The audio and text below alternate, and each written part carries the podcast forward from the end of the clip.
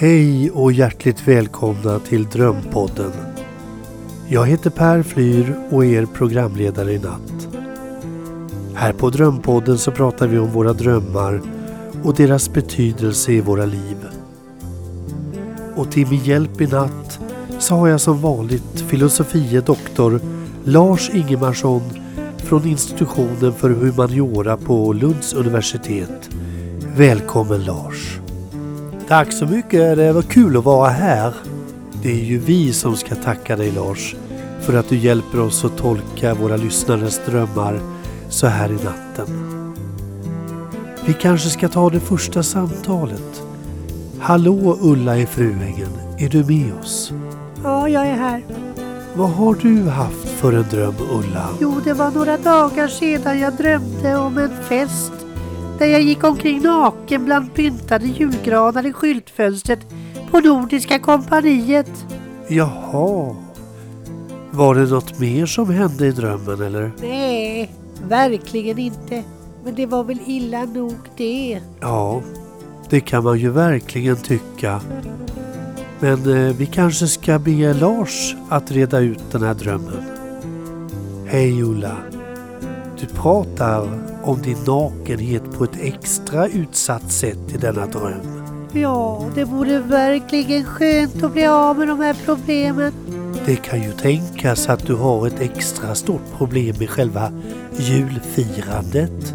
Ja, Såg du kanske någon tomte i drömmen? men det tror jag väl inte.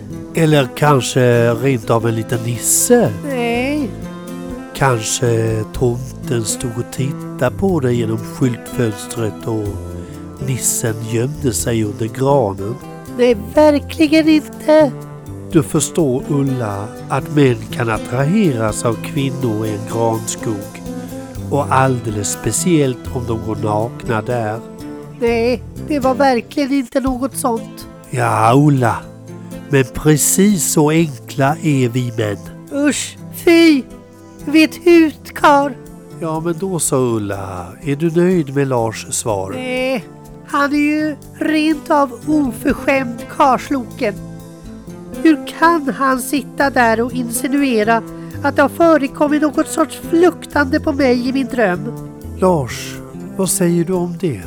Ja, hon kan lämna sitt nummer till mig i växeln. Jag ska till Stockholm nästa vecka. Nej, fy ditt äckel. Men jag är förvillande lik tomtefar.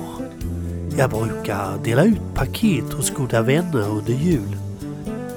Du kommer inte bli besviken Ulla.